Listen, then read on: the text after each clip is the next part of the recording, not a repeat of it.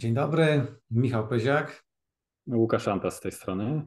I witamy Was w kolejnym odcinku podcastu Książka dla mężczyzny.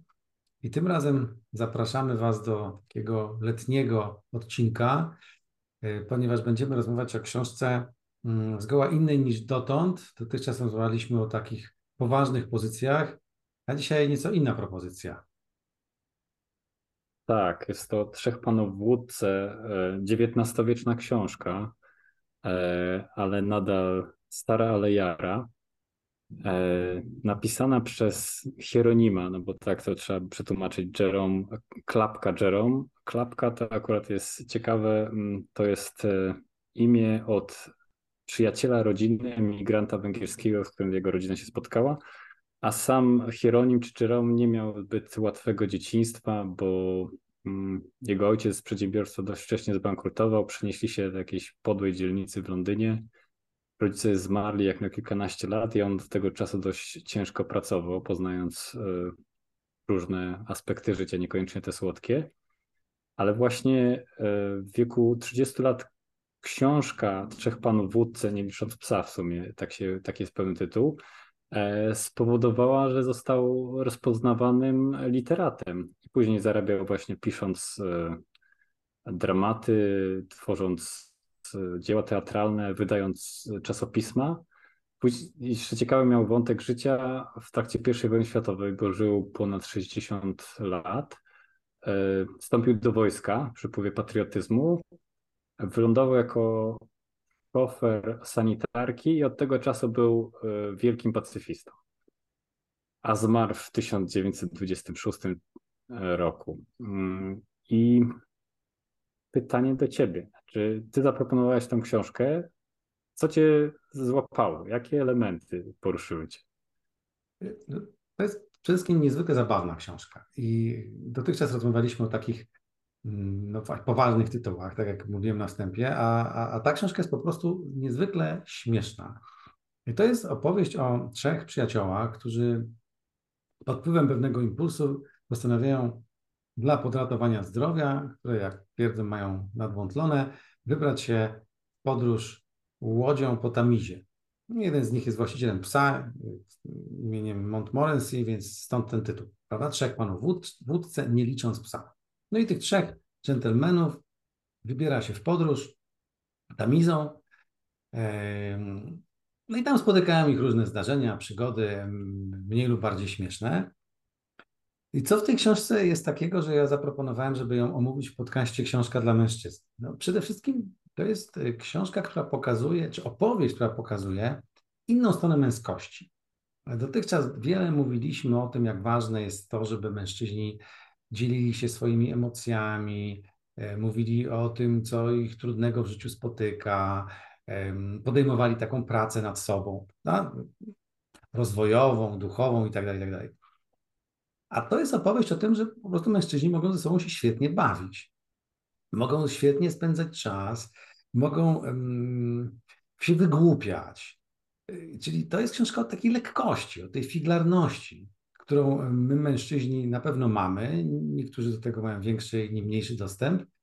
No i ta książka pięknie to opisuje. Stąd, stąd ta propozycja.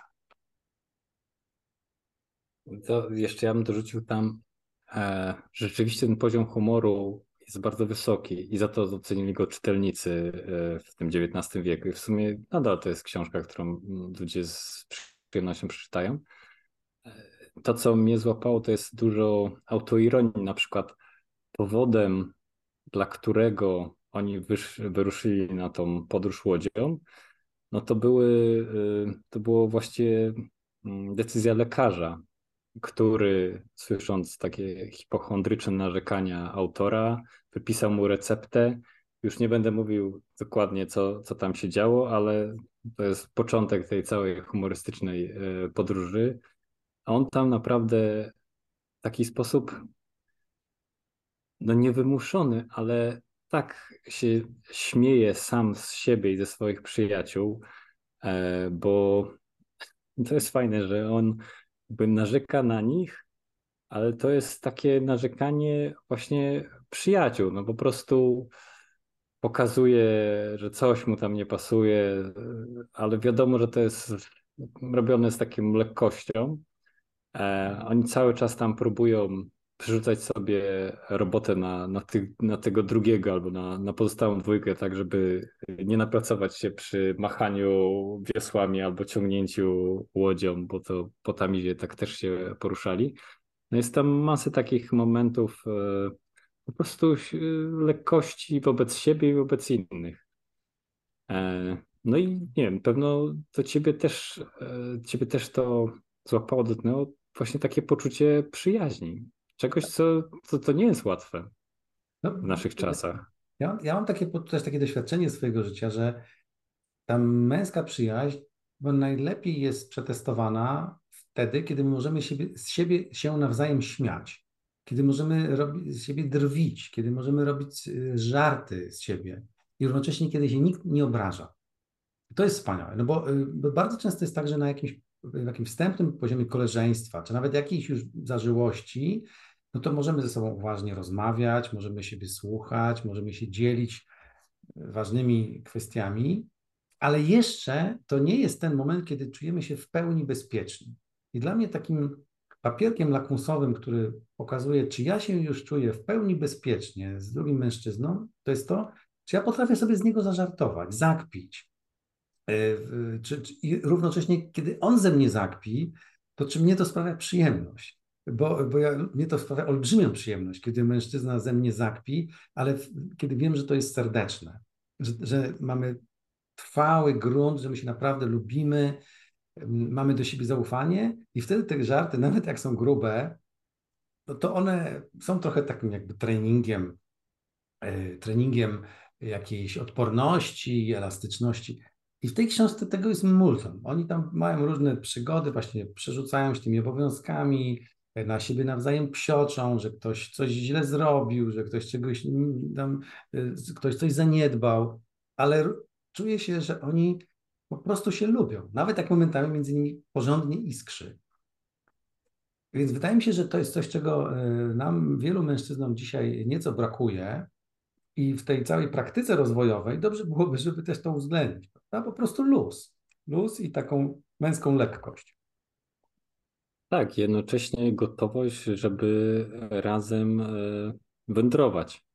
Czyli mieć jakąś wspólną przygodę, bo tak jak z mojego życia, mam poczucie, że w tych grupach męskich, okej, okay, możemy się spotkać, porozmawiać, ale już żeby wspólnie ruszyć tak mhm. na spontanie zwłaszcza, to nie jest łatwe. Oczywiście mnóstwo obowiązków życia codziennego, zwłaszcza jak ktoś ma dzieci, to wie o czym y, mówię. Ale tak po prostu się wyrwać wspólnie, trochę pokosztować głodu, Mm, albo deszczu i zmęczenia. I w tym wszystkim jeszcze, no tak, cieszyć się z atmosferą, cieszyć się tym poczuciem takiej przyjaźni, to to jest rzadkie, ale naprawdę bardzo potrzebne.